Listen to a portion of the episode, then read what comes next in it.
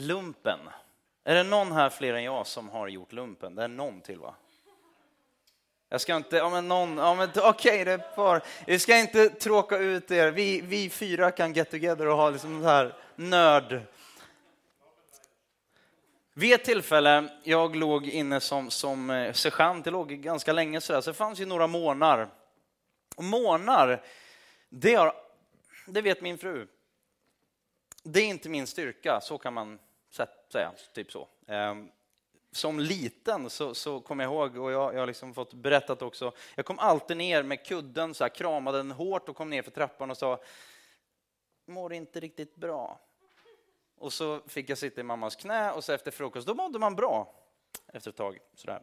Men hade vuxit upp lite sådär och något i alla fall. Lumpen ligger inne, låg inne i 16 månader och, och en av de här månaderna så sov jag hos en polare inne i Linköping och liksom, regementet ligger ju liksom någon mil utanför Linköping och, och eh, det hör ju till saken att klockan sju varje morgon så hade jag uppställning, för jag var befäl, så jag hade uppställning med, med, med, liksom, med mannarna. Så, så att då skulle man vara väl förberedd och så körde man något som vi kallar för brak. Det är helt enkelt bröst, rygg, armar, knän. Och så körde man push-ups och man gjorde massa grejer sådär.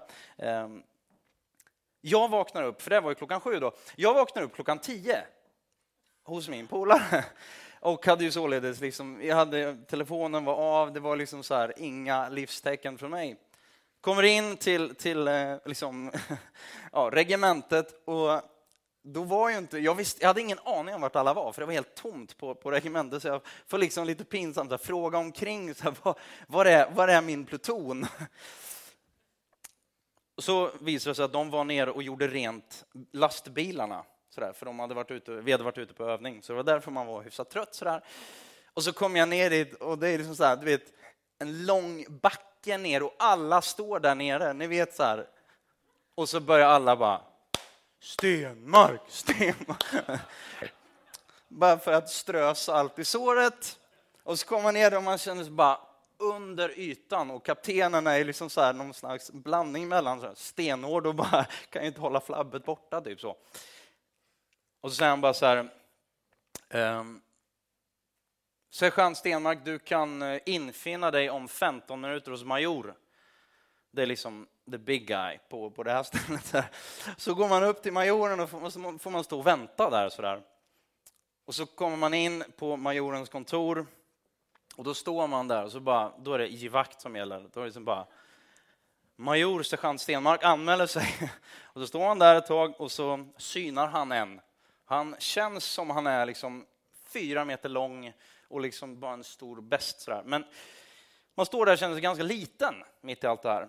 Och så får man inte en sån här högljudd avhyvling, utan han bara, ja, sergeant Stenmark, vad har du för anledning? Vad har du för ursäkt till det här? Och då hade jag ju tillräckligt smart i alla fall för att inte dra någon, någon story om att klockan inte funkar, för det känns som att det är liksom lite på för låg nivå. Så, så jag sa bara, Major, det finns inga, det finns ingen, finns inga ursäkter. Jag kan bara säga, det kommer aldrig att ske igen. Eh, liksom det var så där. Så bara, ja, det här är inte så bra. Och så kommer den här ganska metodiska och lugna, eh, men ändå väldigt tydliga tillrättavisningen. Har ni varit där någon gång? Man känner sig inte så jättelyckad. Ni vet hur det känns. Man känner bara, det är inte på väg in på kontoret till majoren för att få en uppgradering eller få en befordran direkt. Utan det blir, det blir strafftjänst i tre kvällar. Ehm, och ehm, till, till liksom resten av, av plutonens glädje, måste man ändå säga, ehm, att, att liksom sergeanten och, och ledaren har, har gjort bort sig. Så där kan det vara ibland. En tillrättavisning kan dock vara precis det du och jag behöver ibland. Visst är det så jobbigt? Jag vet inte, det här ordet tillrättavisning, liksom, hur många tycker att det är ett positivt ord? Konstigt, ingen. Ehm, ja, det var någon där. Nej, det var och gled sitt öra. Okej. Okay. Visa någon till rätta. Det är positivt. Ibland behöver nog vi bli visade till rätta. Vi ska läsa från Johannes evangelium kapitel 15, vers 1 till 17. Så vi ska läsa 17 verser. Så jag vill att ni hänger på och är med. Det finns väldigt, väldigt mycket stoff i det här. Och en hel del är ganska så utmanande och kanske ett och annat frågetecken som uppstår som vi förhoppningsvis kan få sätta och göra till ett utropstecken. Jag är, och det är Jesus som talar då, jag är den sanna vinstocken och min far är vingårdsmannen. Varje gren i mig som inte bär frukt skär han bort och varje gren som bär frukt ansar han för att den ska bära mer frukt. Ni är redan beskurna i kraft av det ord som jag talat till er. Förbli i mig så förblir jag i er. Liksom grenen inte kan bära frukt av sig själv utan endast om den förblir i vinstocken så kan inte heller ni det om ni inte förblir i mig. För jag är vinstocken och ni är grenarna. Om någon förblir i mig och jag i honom bär han rik frukt. Utan mig kan ni ingenting göra. Om ni inte förblir i mig kastas han ut som en gren och torkar bort och man samlar ihop sådana grenar och kastar dem i elden och de bränns upp. Om ni förblir i mig och mina ord förblir i er så be om vad ni vill och ni ska få det. Min far förhärligas när ni bär rik frukt och blir eller är mina lärjungar. Liksom Fadern har älskat mig, så har jag älskat er. Bli kvar i min kärlek. Om ni håller mina bud, då förblir ni min kärlek, liksom jag har hållit min faders bud och förblir i hans kärlek. Detta har jag talat till er för att min glädje ska vara i er och för att er glädje ska bli fullkomlig. Detta är mitt bud, att ni ska älska varandra så som jag har älskat er. Ingen har större kärlek än han som ger sitt liv för sina vänner. Ni är mina vänner om ni gör vad jag befaller er. Jag kallar er inte längre tjänare eftersom tjänaren inte vet vad hans herre gör. Vänner kallar jag er, ty allt vad jag har hört av min far har jag låtit er veta. Ni har inte utvalt mig, utan jag har utvalt er och bestämt om er att ni ska gå ut och bära frukt, sån frukt som består för att Fadern må ge er vad ni än ber honom om i mitt namn. Och det befaller jag er att ni ska älska varandra. Jag vet inte hur ofta du får en befallning. Jag vet inte hur många som tycker det, det här är positivt. En befallning. Några fruar klappar sina makar på ena axeln sådär. Jag vet inte om det är vilket håll det vänder sig till då. Men, men en befallning. Hur kan man befalla någon? Hur kan, hur kan Jesus befalla och säga ni ska älska varandra? Liksom inte det någonting som, som, ja vi kommer lite grann till det. Men egentligen kan man säga så här, utan kärlek, utan att känna till att Gud är kärlek så skulle hela den här texten bara vara kramp och hård och fullständigt, eh, ja den skulle ju vara helt makaber för både dig och mig. Vi börjar med den första punkten som jag vill lyfta fram och det är vers 1 och 2. Jag kallar den för trädgårdsmästaren ansar. Att gå från förfall till förädling. Vers 1 och 2. Vi läser igen. Jag är den sanna vinstocken och min far är vingårdsmannen. Varje gren i mig som inte bär frukt skär han bort och varje gren som bär frukt ansar han för att den ska bära mer frukt. Det här med att bli ansad.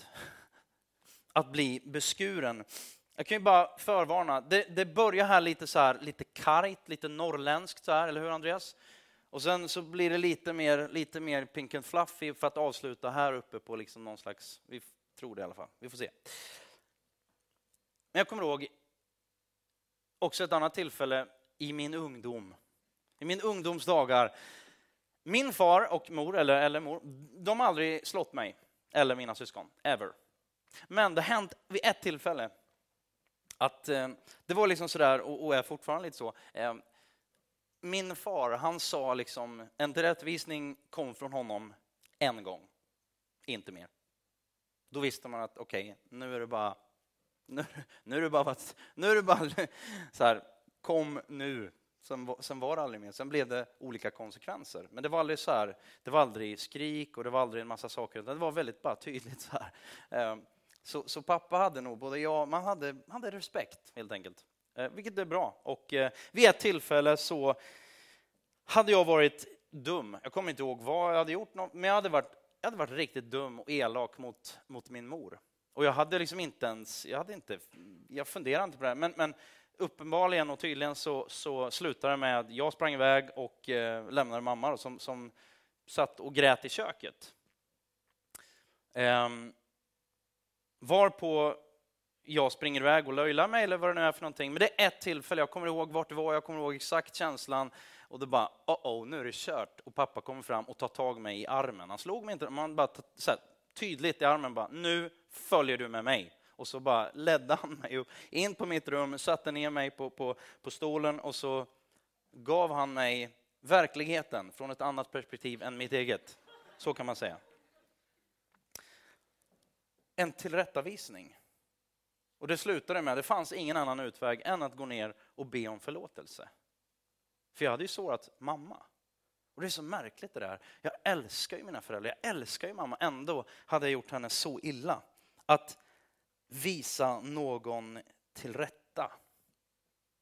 Ett annat tillfälle, jag var 21 år gammal och hade fått, liksom för mig, jag hade aldrig, jag hade aldrig drömt om när jag växte upp och, och, och, nu, och jag ska bli pastor och jag ska liksom sådär. Utan jag hade tänkt jag ska bli, jag ska bli flyg, jag ska bli pilot helt enkelt. Jag ska bli stridspilot. Det var liksom vad jag tänkte sådär fram till kanske någon annan har delat den drömmen när jag var sex. För mig gick det inte över utan jag fortsatte och tänkte att det ska jag bli. Ehm, men sen kom jag på andra vägar och jag bestämde mig för att åka till England, studera teologi och ledarskap och sådär då. Ehm, fick once in a lifetime opportunity från den, ja, i den församlingen där jag var och följa med föreståndaren att, att ja, resa jorden runt och följa med honom och, och eh, även predika en hel del själv. Sådär då.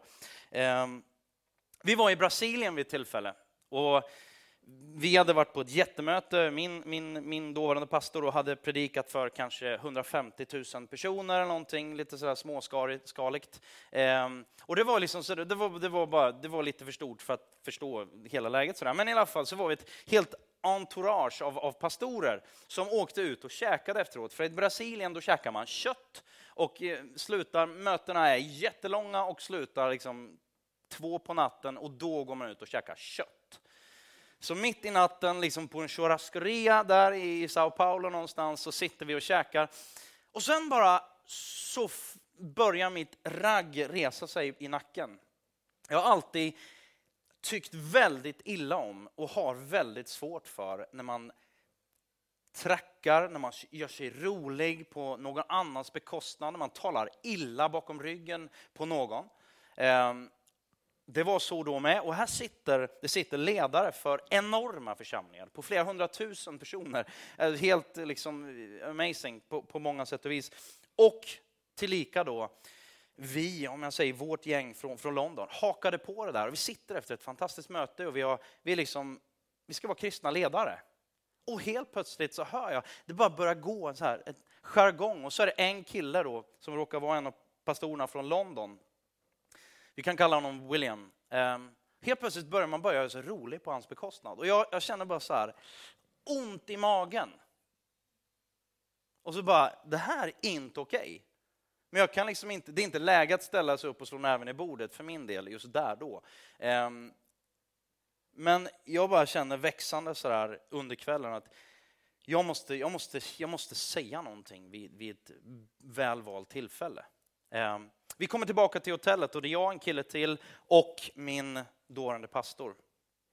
Ehm, var, han var min arbetsgivare, han, vi hade precis börjat lära känna varandra och jag bara känner, i mitt hjärta så bara bultar det. Jag bara måste säga någonting.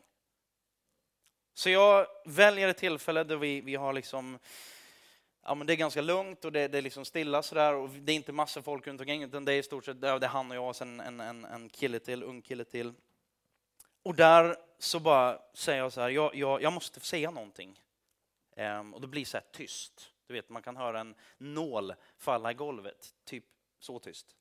Och så säger jag bara, ikväll så gjorde vi oss roliga på Williams bekostnad. Hade jag varit honom, då hade jag, varit, då hade jag blivit sårad. Vi kommer från det här fantastiska mötet och vi beter oss så. Vi måste vara mycket, mycket mer rädda om våra hjärtan. Ungefär så säger jag. Ganska kort. Och då blir det ännu tystare. Men några minuter senare, eller det var nog förmodligen bara tre, fyra sekunder, men, men det kändes som liksom, nej men det var så. Så säger min Colin då, min förra pastor, för det var honom det riktades mot, men jag, det var inte så att jag bara, liksom, det beror lite på hur man säger saker och ting också. Man kan ju välja vilken typ av respons man kanske söker. Så säger han bara så här, det, här, det, det i mina ögon växte han något enormt. För han sa så här, från en 21-årig liten slyngel från Sverige. Så säger han bara så här, tack för att du älskar mig tillräckligt mycket för att säga mig sanningen. Tack. Själv, och sen så bara, självklart, det är ju helt, varför liksom sådär. Och så gick han och pratade med William. Och jag tänker så här, det där någonstans gör ju någonting med ens självförtroende. Och även, man inser att varje relation, om det ska vara byggt på sann, äkta relation, så måste det finnas utrymme för sanning. Och äkthet och transparens. Utan uppriktighet finns det ingen relation som är sann.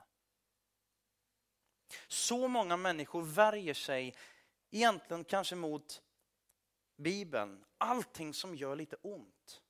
Det finns ju finns en kille som har skrivit en bok som heter Det vadderade landet Sverige. Som går emot den här extrema, ja men allting ska kännas bra. Jag tror inte att det alltid är bra att allt känns bra. Vet du varför vi har, liksom, våran hjärna uppfattar, om du lägger händerna på en varm platta så, så, så skickar handen omedelbart signaler till din hjärna att det där gör ont. Är det bra eller dåligt att hjärnan gör det? Jo, men det är bra. Men vi i vårt samhälle gör allt för att ta bort smärtan. Är det bra? Nej, det är inte bra. För då kommer du att bränna dig på den här plattan. Jag vet inte riktigt, är du och jag sådana ibland att vi inte tål sanningen? Vi tål inte, vi värjer oss mot allting som kan göra lite ont, som svider. Har vi sådana relationer? Kanske i till och med en del av oss sitter här med, med vår make, maka. En del sitter med pojkvän eller en del drömmer om en pojkvän eller flickvän har kompisar, föräldrar, folk runt omkring oss. Har vi relationer där vi verkligen är äkta och transparenta och uppriktiga med varandra? Eller är du en sån som det ska alltid vara på dina villkor? Eller är du, är du öppen för konstruktiv kritik? Tål vi att höra sanningen ibland? Även när det svider? Det är en ganska bra fråga att ställa sig. Ehm, och jag skulle säga så här, att ingen relation är äkta om det inte finns en, en ärlig uppriktighet och utrymme för det. Inte ens din och min gudsrelation. Eller inte ens, kanske, kanske särskilt inte din och min gudsrelation, om vi nu ser oss själva som att vi har det. Och inte bara liksom går i kyrkan eller eh, liksom gör en massa grejer, för det, det, det, tror ju inte jag på. Och att det gör att jag, liksom, vad, vad, handlar krist, den kristna tron? Handlar det om att utöva en massa saker eller handlar det om relation? Jag kommer till det, men ett bra test för att se om min tro är kanske lite verklig, på riktigt får Jesus bli lite obekväm med mig också när det behövs. Oj, det här ordet. Kan han, är det okej okay att han tillrättavisar mig att ordet är lite kargt, lite kärvt? Är ni med? Vem har auktoritet att tala in i ditt liv? Kanske säga saker som du inte tycker om, som inte känns så bra, som du har helt enkelt inte uppfattat de här signalerna från handen. Plattan är varm. Men någon annan ser bara, hallå? Din hand, du kommer att bränna dig. Är inte det kärlek? Kärlek måste ibland bli lite tuff. Måste definitivt vara sann. Hur responderar du när någon säger någonting som du inte tycker om? Som du inte gillar? Det gör lite ont. Någonstans där inne vet du nog att det finns, det ligger sanning i det där. Hur beter du dig? Vad är din respons? Tar du emot det ödmjukt? Reflekterar kring det? Funderar lite grann? Finns det någonting och vad av detta är sant? Och sen går in, vad ska jag göra åt det här? Vad ska jag göra med den här signalen? Eller har du skapat en mur omkring dig där du omedelbart, och alla, alla runt omkring dig vet om att du blir arg, du tänder direkt, du blir ledsen, du, du, du har skapat en massa, du, du sänder en massa signaler som gör att folk kommer aldrig säga dig sanningen. Du kanske bara springer iväg, gömmer dig. Det finns olika saker som, jag tror att ibland gör vi nog lite av det där allihopa. Grejen är så här att om vi tittar på vår relation med Gud så är inte Jesus Kristus bara, och enligt Bibeln så är inte bara din frälsare, din välsignare, din försörjare, även om han är allt det också. Han är också din Herre. Herren Gud, Herren Jesus Kristus. Skillnaden med honom, mellan honom och andra herrar, det är att han är alltid för dig. Det är skönt. Det är därför kärleken är så viktig. Otroligt viktig. Den stora skillnaden är att Jesus Kristus älskade dig innan du älskade honom. Han älskar dig hela tiden. Ehm, varje gren i mig som inte bär frukt skär han bort och varje gren som bär frukt ansar han för att den ska bära mer frukt. Allvarsord. Ja, men det var det jag visste. Gud är grym, han skär bort, kastar i elden och så bara, nej, över, done, I'm done with this. Men nu beter vi oss som små barn, för när jag säger till mina barn att inte leka på parkeringen, bilparkering som är fylld av bilar, så tycker de att jag är jättetråkig. Det är liksom, jag vill undvika att vara som en pat on the head, men, men bara för att ibland så är det seriöst, alltså vi beter oss som barn. I alla fall gör jag det. Säkert du inte, eh, gör inte du det, men, men, men kanske kan få något ändå. Att bryta med Gud. Det är inte så att han vill bryta med dig, utan det är ditt val. Vill du bryta med honom? Om du bryter med honom så kommer du inte att kunna bära. Du kommer inte att kunna bära frukt. Du kommer förtorka och dö. Det är vad det här bibelordet säger. Han säger inte det för att hota eller någonting. Han säger det för att hjälpa till. Jag har varit med om flera gånger när någon av barnen på väg ut, klassiker. Vi har redan, Villa blivit påkörd en gång och, och, det hoppas man inte ska hända igen. Det var bara en liten bump. Men jag kan säga både jag, Ville och paret som satt i bilen blev livrädda. För det var, det var så nära. Men jag har sett, du vet, en så här, bollen rullar iväg så är det lite nerför och så rullar den ut mot vägen och man ser bara ett barn springa. Tänker inte två sekunder på vad, liksom, den kommer åka ut i, i, vägen och där kommer det bilar. Då är det inte läge att bara, du ursäkta, två och ett halvt åring där borta. Utan då är det bara, då tar man i va. Då blir, den, då blir det skarpt läge. Jag tror att de flesta kan känna igen sig vare sig man har barn eller inte. Eh, för grejen är så här, ansa och beskära. Jag kan verkligen absolut så lite som det förmodligen är möjligt om just växter, träd, liksom buskar och sånt där. Det, det är så här, Linda hon kör lite så här quiz med mig. Vad heter den där? Bara, rosor? Jag vet att det inte är rosor, men det är typ det enda jag kan. Eh, nu har jag lärt mig, på, på, på Cypern, jag lärde mig ett, ett, en, en sak i alla fall. Bougainville. Mm. Det var vackert. Det luktade mycket och var väldigt vackert. Och det var, det var bougainville. Ja. Men i alla fall. Det jag har förstått är att du behöver ansa dina buskar och du behöver beskära ditt träd. Så. Mm. Om du vill att det ska växa och bära frukt framöver. Är ni med? Kom. För jag ser åtminstone när Linda har gjort det, så ser jag de där stackars buskarna. De, de ser ju tråkiga ut. Alla blad är borta, det är liksom allt det roliga liksom, hallå, vad, vad händer nu? De, det ser ut som en, en, naken, naken ja, gubbe, höll jag på att säga. Ja. Och så tänker man så här, kommer det här trädet någonsin börja blomma igen? Nej, förmodligen inte när vi är klara. Men, men som tur är så är det inte jag som har hand om dem, utan det är Linda. Grejen är så här, att jag också förstått, det är att om man låter de här tråka, det blir, det blir som ett ormbo till slut om man, inte, om man inte gör något. Det har man ju också sett hemma hos mina föräldrar till exempel. Eh, så jag har fått de gröna händerna av dem, inser jag. Men i alla fall så, alltså man klipper ingenting. Det bara växer helt vilt. Då är det så här att även de svaga grenarna, de torra grenarna, sug åt det här nu, det här är djupt. Eh, eh, så är det de svaga, torra grenarna, kapa bort dem, annars stjäl de energi, liv från de friska grenarna. Något sånt, typ så. Och så ser det för taskigt ut när det blir ett ormbo och allting. Um, du och jag mår nog bra av att ansa bort saker ibland.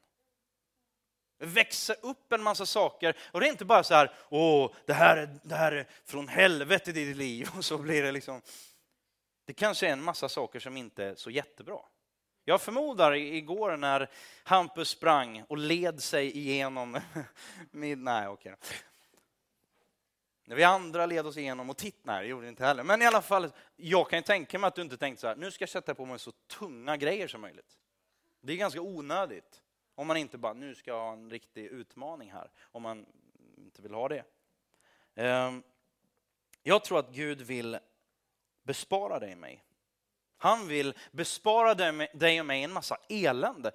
Och det är egentligen allting. Jag tar och lånar orden från Jim Collins bok From Good to Great.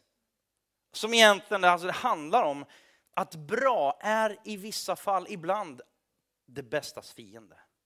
Hur kan det vara så? Jo, det är för att du tycker att det är bra, men Gud säger det där är mediokert jämfört med det som jag vill för dig. Det är, för, det är för lågt, det är, för, det är på för låg nivå. Jag vill ju jag vill att du och jag ska ha ett äventyr tillsammans, men du är nöjd med li, bara det här lilla futtiga. Och i det här livet som jag tänker för dig, då passar inte det här. Det var okej okay i det här sammanhanget, men i det jag tänker för dig, det är inte okej okay längre. Är ni med? Man kan tycka vad man vill, men att leva i offentligheten som politiker eller vad det är, alltså det, alltså säg vad du vill, men det bara är så att det kräver lite mer. Det är inte okej okay att köpa Toblerone för statens pengar. Då går det inte bra. Eller hur? Det kan man ju tycka är fånigt och det blir häxjakt och allt. Det står vi inte för. Men det är ändå så att you will be scrutinized. Eller hur? Nu ska vi inte bli politiker, men, men Gud vill ta det vidare. Nästa grej, han säger förbli i mig. Och då pratar jag och tänker lite grann sådär från individualism till intim relation. Jag kan själv. Där är vi alla tror jag. Förbli i mig så förbli jag i er. Och jag tänker på, det kallas för den koperniska omvälvningen. Copernicus, han som inte uppfann, men han, han eh, eh, kunde bevisa och tydliggöra för oss alla. Han, han eh, så sent som på, han, han föddes väl någonstans slutet på 1400-talet. Och så där en bit in på 500-talet, då hade man en geocentrisk världsbild, alltså jorden här och hela universum och allt annat roterar runt jorden. Det var alltså mindre än mindre än 500 år sedan man hade en sån världsbild. Alla var helt övertygade om att det är så det är. Man visste att det var så. Väldigt tydligt, tror jag. så är det. Så kommer Copernicus och man hade problem då för att tydligen så var det så att det skilde. Varje år så gick klockan då fel med 11 minuter och några sekunder. Så efter ett tag så fick man ju bara, men crap, nu är det problem för att nu ser vi att det, det hakar efter. Nu måste vi, liksom, vad ska vi göra nu? Och då sa man till Copernicus, bland annat, som var, han, var, han var allt möjligt. Han var han var munk, så teolog, han var vetenskapsman, han var även krigsherre och han, ja, men han var liksom så här, allt möjligt. Han hade en stor hjärna förmodligen, en, som, eller liten, som han använde väldigt väl på något sätt. Eh, så bara sa man till honom, du, ta reda på det här, hur det, hur det här funkar. Och så tog det, jag vet inte hur många år, men 15-20 år. Han studerade och tog in extremt mycket data och uppgifter. Um, där han, ja, han helt enkelt gör en massa research. Um, och ställer samman då en mängd mätresultat som leder till att han slutligen, egentligen lite mot sin vilja, för det här var så jobbigt för, för den katolska kyrkan som hade byggt liksom hela sin, sin, ja, en del av sin liksom grund på den här världsbilden. Eh, helt enkelt så, så, skapar han en ny, en ny teori. Eh, som går ut på att jorden inte alls är medelpunkten för universum, utan snarare tvärtom. Istället tillhör ett mycket, mycket större problem, eller eh, ett system. Och det koperniska systemet då leder till en enorm tankerevolution. Liksom, vi, vi lever i den idag. Vi tycker det är självklart. Det var mindre än 500 år sedan det här blev liksom bevisat och, och eh, accepterat. Och då ska man komma ihåg att det var Aristoteles och kompani som hade grundlagt den andra geocentriska världsbilden det är ganska tunga, tunga killar. 2000 år hade man hållit fast vid det här och så kommer en munk från Polen och bara, så är det inte längre, utan så här är det. Och jag tänker så här, är det inte lite så med dig och mig? Vi lever fortfarande i det geocentriska istället för i det teocentriska. Vi lever i att världen snurrar ju runt mig. Hela samhället går ut på att du är din egen Gud. Svaret finns inom dig. Bara, ja, leta på. Liksom. Svaret finns inte inom dig, svaret finns där uppe. Gud bor i oss, självklart. Men det intressanta är att hela den här världsbilden och när saker och ting ändras, vi ser ju det vi tittar efter kvinnor som har varit gravida, jag tror ni kan säga allihop, helt plötsligt ser man en massa magar överallt. Killar kanske ska köpa en bil, ja, tjejer också. När, Linda, när vi ska prata om bil så, så frågar Linda, vilk, nej, det ska, jo, det är okej, vi bjuder på det. Då frågade jag vilken bil hon tyckte att vi skulle köpa. Då sa hon, en röd eller svart. det är faktiskt sant. Nej. Det är ungefär som jag och blommor. Vi är ungefär på samma nivå. Vetenskapsmännen under den tiden, och framförallt ledarna, de ville inte se. De ville inte, att, så de hittade bevis för att det inte var det här då, amerikanska tanke, liksom världsbilden. Eh, jag tror så här, att, att möta Gud och upptäcka att Jesus Kristus är Gud och faktiskt våga inleda en relation med Gud. Jag tror att det är lite som den här omvälvningen som de var med om när man går från att vara jag-centrerad till teocentrerad. Till att vara liksom inte att allt kretsar, kretsar kring mig, utan helt plötsligt, jag får vara en del av någonting mycket, mycket, extremt mycket större. Jag tror att det är väldigt, väldigt likt. Um, någonstans någonstans så tror jag att vi behöver släppa oss själva. Gud kräver det om vi ska inleda. Han säger förbli i mig, kom till mig, kom, liksom, var del av mig. Så ska jag vara en del av dig. Jesus Kristus, Guds son, han bjuder in dig att gå från att vara en total individualist som ska klara att göra allt själv till att ha en intim, nära relation med honom där du kan räkna med honom på alla dina vägar. Det är vad den kristna tron handlar om. Rent konkret då, hur förblir jag Kristus praktiskt? Ja, det är egentligen inte rocket science någonstans. Vers 10. Om ni förblir i mig och mina ord förblir i er, så be om vad ni vill och ni ska få det. Det är två stycken saker som lyfts fram. Det är Bibeln, alltså ordet, Bibeln och det är bön. Måste, ja, men nu är vi ju där igen. För vad, åh, då måste man ju. Hela kristen, det har alltid varit så. Alltså, det, att vara kristen, och, ja, men det är en massa måsten. Jag måste det, jag måste det. Ja, ni vet ju vad vi brukar säga. Vi måste ingenting. Men om vi vill, då måste vi. Om jag vill leva ett rikt liv inför Gud, om jag vill bära frukt, om jag vill förbli honom, då måste jag be. Vad är bön? Bön är att umgås med Gud, att spendera tid. Om jag vill vara gift, eller innan dess, om jag vill bli gift, så måste jag spendera tid med Linda. Jag måste ju inte gifta mig med henne. Men jag måste spendera tid med henne om jag vill. Jag måste egentligen ingenting.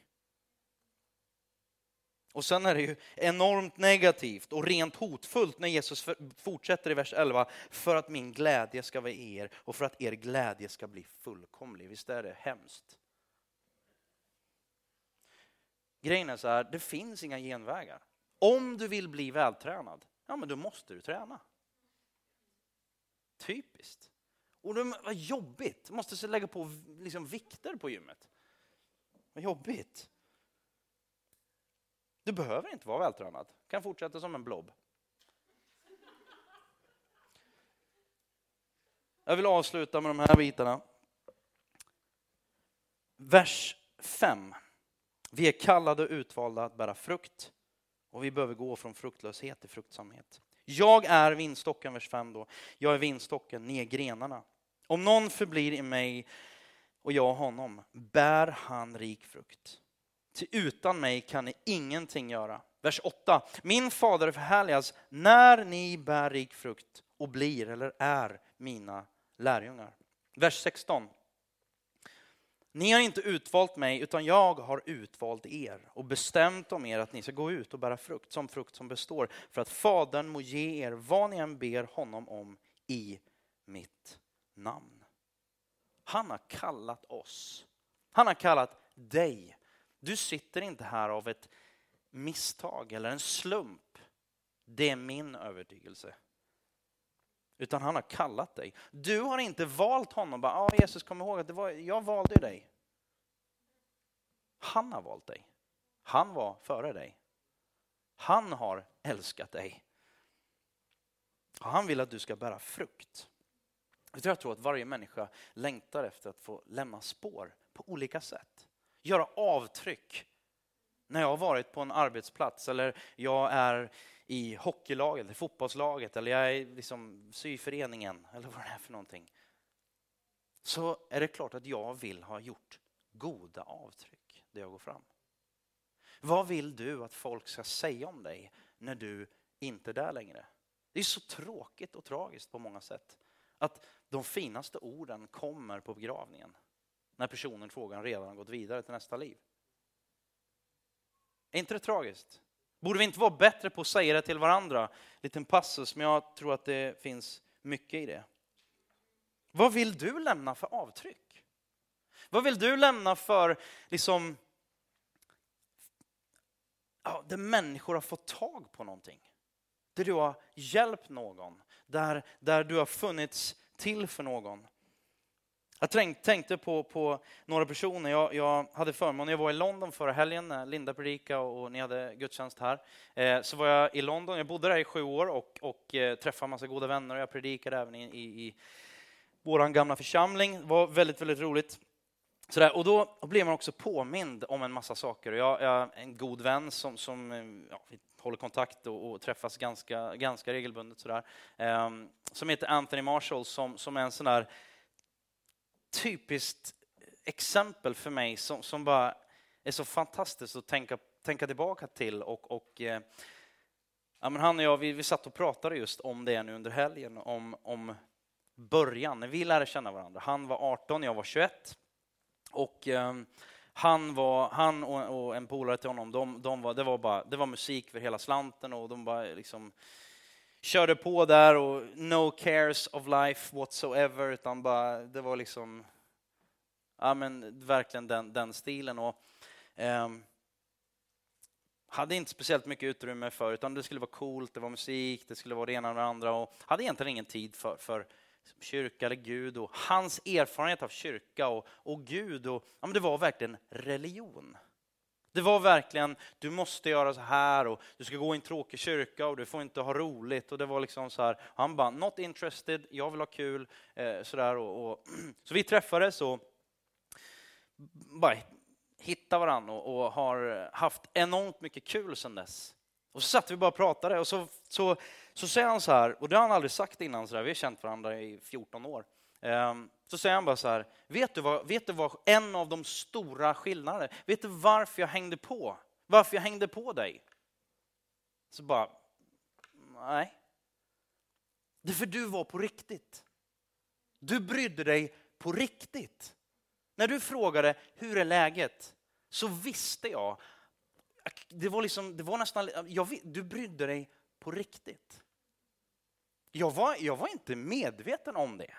En annan kille som heter Henry, um, han var 15 år gammal och, och liksom, när jag lärde känna honom, och han, han spenderade en del tid ihop. Och vi hade ungdomsmöten på fredagskvällar och så sent kom han hem därifrån och så ibland hade man lite, det var lite tajt att få tid med alla så, där, så att bara häng på mig hem och sov över. Och så kom han hem till mig och så bjöd jag alltid på O'boy.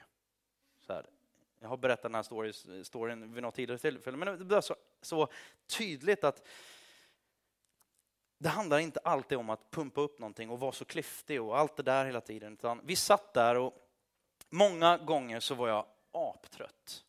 Och man kom hem till 12, 1 och sitter man där i soffan och, och, och nästan ja, men, halvslumrar och så sitter man och pratar om livet och, och, och eh, gick och la sig alldeles för sent och så drack man lite O'boy och, och eh, vi gjorde det, det hände liksom regelbundet, då och då sådär.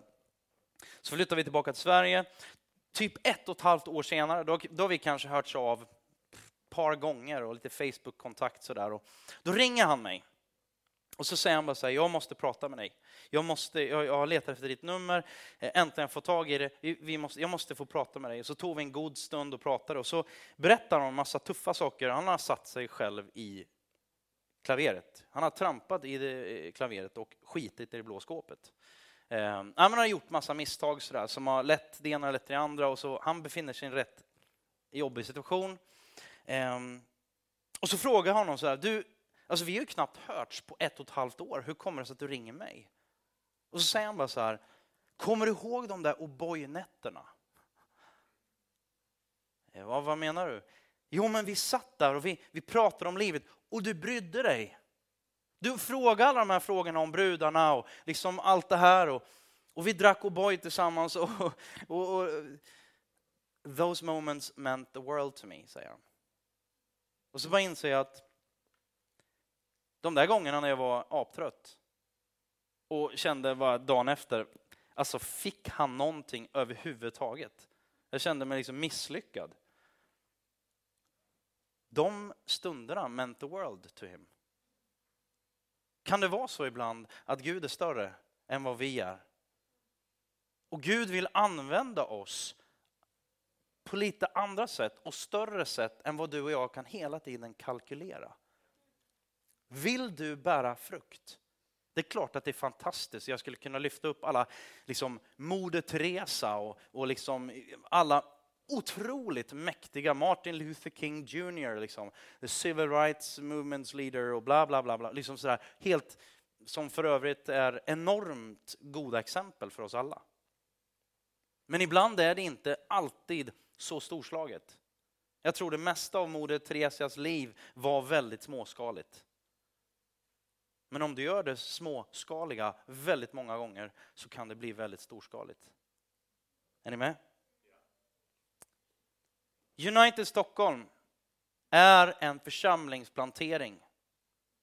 En församlingsplantering, vilket konstigt ord egentligen. Fast det kanske inte är så konstigt ändå. Vi planterar någonting, det är ett frö. Så nu kör vi igen. Gröna fingrar som jag har. Vi planterar ett frö. Det är väldigt litet, oansenligt. Men det ska växa upp och bli något fantastiskt, något stort. Jag, kan, jag bara satt och, och, jag satt och bollade lite med Linda här innan och bara, alltså det finns så många man skulle vilja nämna vid namn, som är helt amazing i vår församling. Och det är ju så här, den, du vet den här lagen som så bara ingen nämnd, ingen klämd. Bara, jag höll på att säga något dumt. Skit i den. Just nu skiter vi i den. Vi är eh, inte så svenska. Men jag vill lyfta fram några personer. Är det okej? Okay?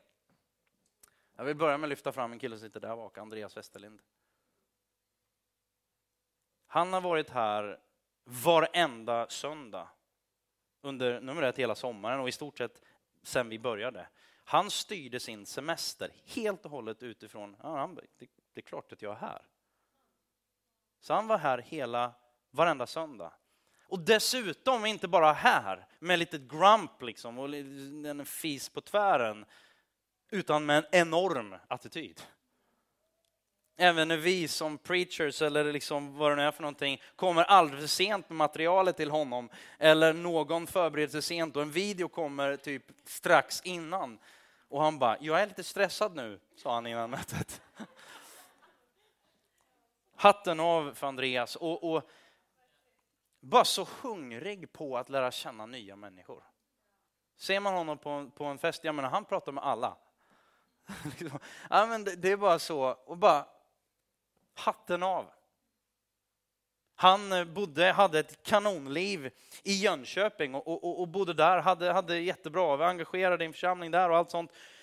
Och så började vi umgås och, och eller vi hade gjort det ett, ett tag sådär. Sen så berättade jag om våra drömmar, visioner om att starta en ny församling. Han bara okej, okay. Nej, men jag säger upp mig på mitt jobb och flyttar till Stockholm. Förresten, vart ska ni?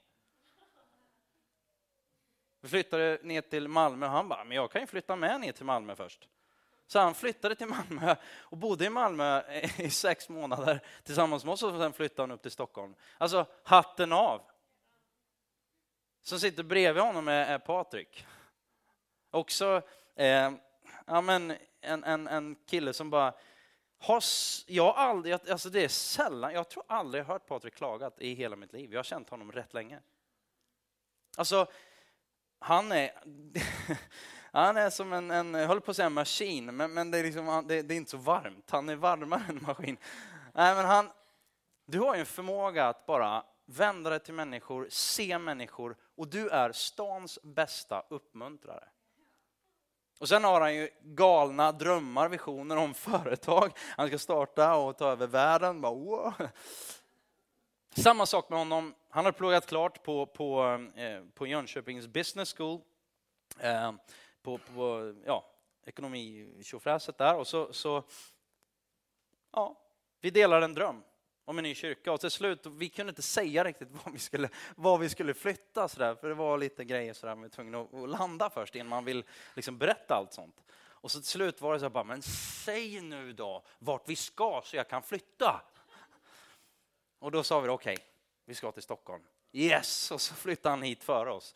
Ehm, och, och, ja, men helt amazing. Jag skulle kunna nämna hur mycket folk som helst. Linus och Maria som efter 40 sekunders eh, liksom, överläggning beslutar sig för att bara uproot hela livet där de bodde tidigare och flytta till Stockholm och vara med och plantera en församling. Samma sak Viktor hade planerat, han hade sin, sin karriär och sitt, sitt liv utstakat, hade pluggat teologi och liksom kört hela, hade, hade verkligen bara, vi gör inte det. Upplevde Guds kallelse, connection, Klara kanske hade lite med... Nej, men jag tror Gud hade väldigt mycket med att göra. Och bara bestämmer sig för, jag ska köra. Vad, vad, vad är det som krävs? Ja, men det krävs att jag skaffar ett jobb. Fick kämpa järnet i ett, ja, ett halvår ungefär. Hankas fram på olika saker. Och sen så bara går det hur bra som helst och växer som ledare och, och är, är ja, är ju chef för en av, av Synsams större butiker här i Stockholm. Och, alltså det, det, är så mycket som händer. Anna och Hampus eh, bara bestämmer sig för att vi, ska, vi ska vara med och bygga en ny församling i Stockholm. Och är sådana connectors. Helt amazing folk. Och watch this space, säger jag bara. Pastors och, och liksom big leaders in the making.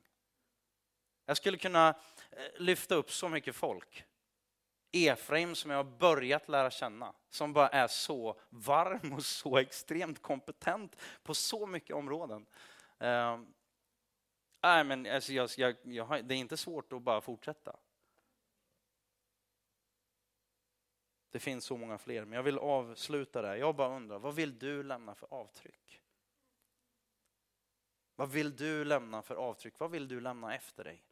Vilken församling vill du vara med och bygga i vår församling? Och i, i vår, alltså vi är en församlingsplantering, vi har inte råd, vi har inte den kulturen att man sitter bara bakåtlutad och de borde göra. Det är helt förbjudet i vår församling att säga de borde göra. Det som är okej, okay, det säger jag säga låt oss göra. Det finns en miljard saker som vi behöver göra bättre. Men vårt fokus för det första är inte alla problem, utan det är hur vi ska gå framåt. Och stora fokuset är, det är frukt. Alltså, vi ska ha många dop framöver. Vi älskar Bibeln, är full av det. Vad är det det handlar om? Jo, tro på Jesus och låt dig döpas. Raj, Daniela, att sig döpas i maj. Vi vill se så många fler dop människor som kommer till tro, som får sin världsbild raserad. Ja, det är helt okej okay att gå från den liksom otroligt individualiserade, liksom individcentrerade världsbilden till den teocentriska världsbilden där du inte är it, utan Gud är the it. Amen.